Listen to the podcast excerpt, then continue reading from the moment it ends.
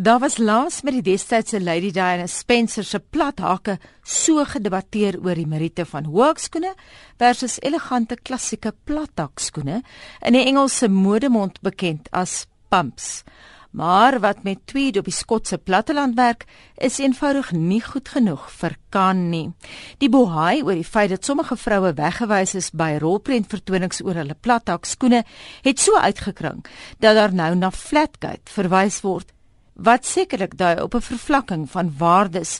Per slot van sake was Watergate baie meer gewigtig as Flatgate of was dit?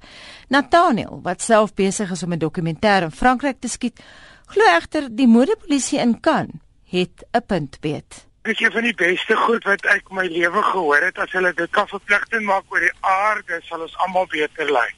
Gesond is nie 'n faktor as jy wil goed lyk nie. Daar's baie ander goedes wat ons kan gedoen of gesond te wees. Dit is 'n desperate poging omdat gemak, slordigheid en goedkoop klere die norm geword het op aarde en mense nie meer moeite doen om mooi aan te trek teater toe. 'n Skoen gee vir jou met 'n hak gee vir jou postuur. Dit laat jou mooi lyk, dit maak jou langer.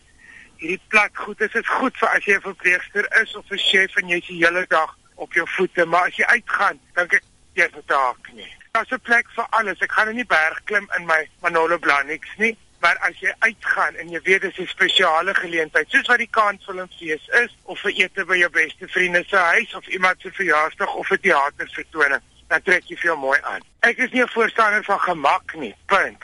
Een vrou is hierdeur gewys nadat sy met informele enkelsteeltjies op die rooi tapuit opgedaag het terwyl 'n joernalis mooi mispraat om met sy blink tuxedo tekkies toegelaat te word. Die Engelse aktrise Emily Blunt sê sy is uiters teleurgestel aan die fees.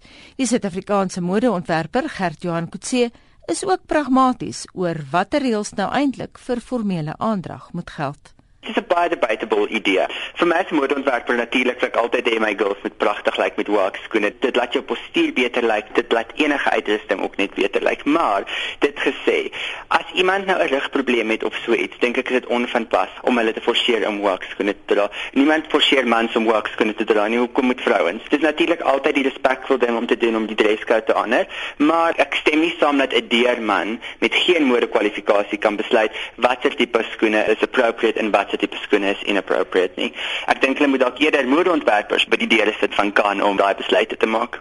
Intussen woed die debat in Suid-Frankryk voort met 'n intensiteit wat mens van fashionistas soos die berugte hoofredakteur van American Vogue, Anna Wintour, sou verwag. Hier ter plaatse het die aktrise en regisseur Liz Meyering ook baie te sê gehad oor die skoene Harry. Ek is bevrees ek gaan die feministe kwaad maak. Ek glo in hoake.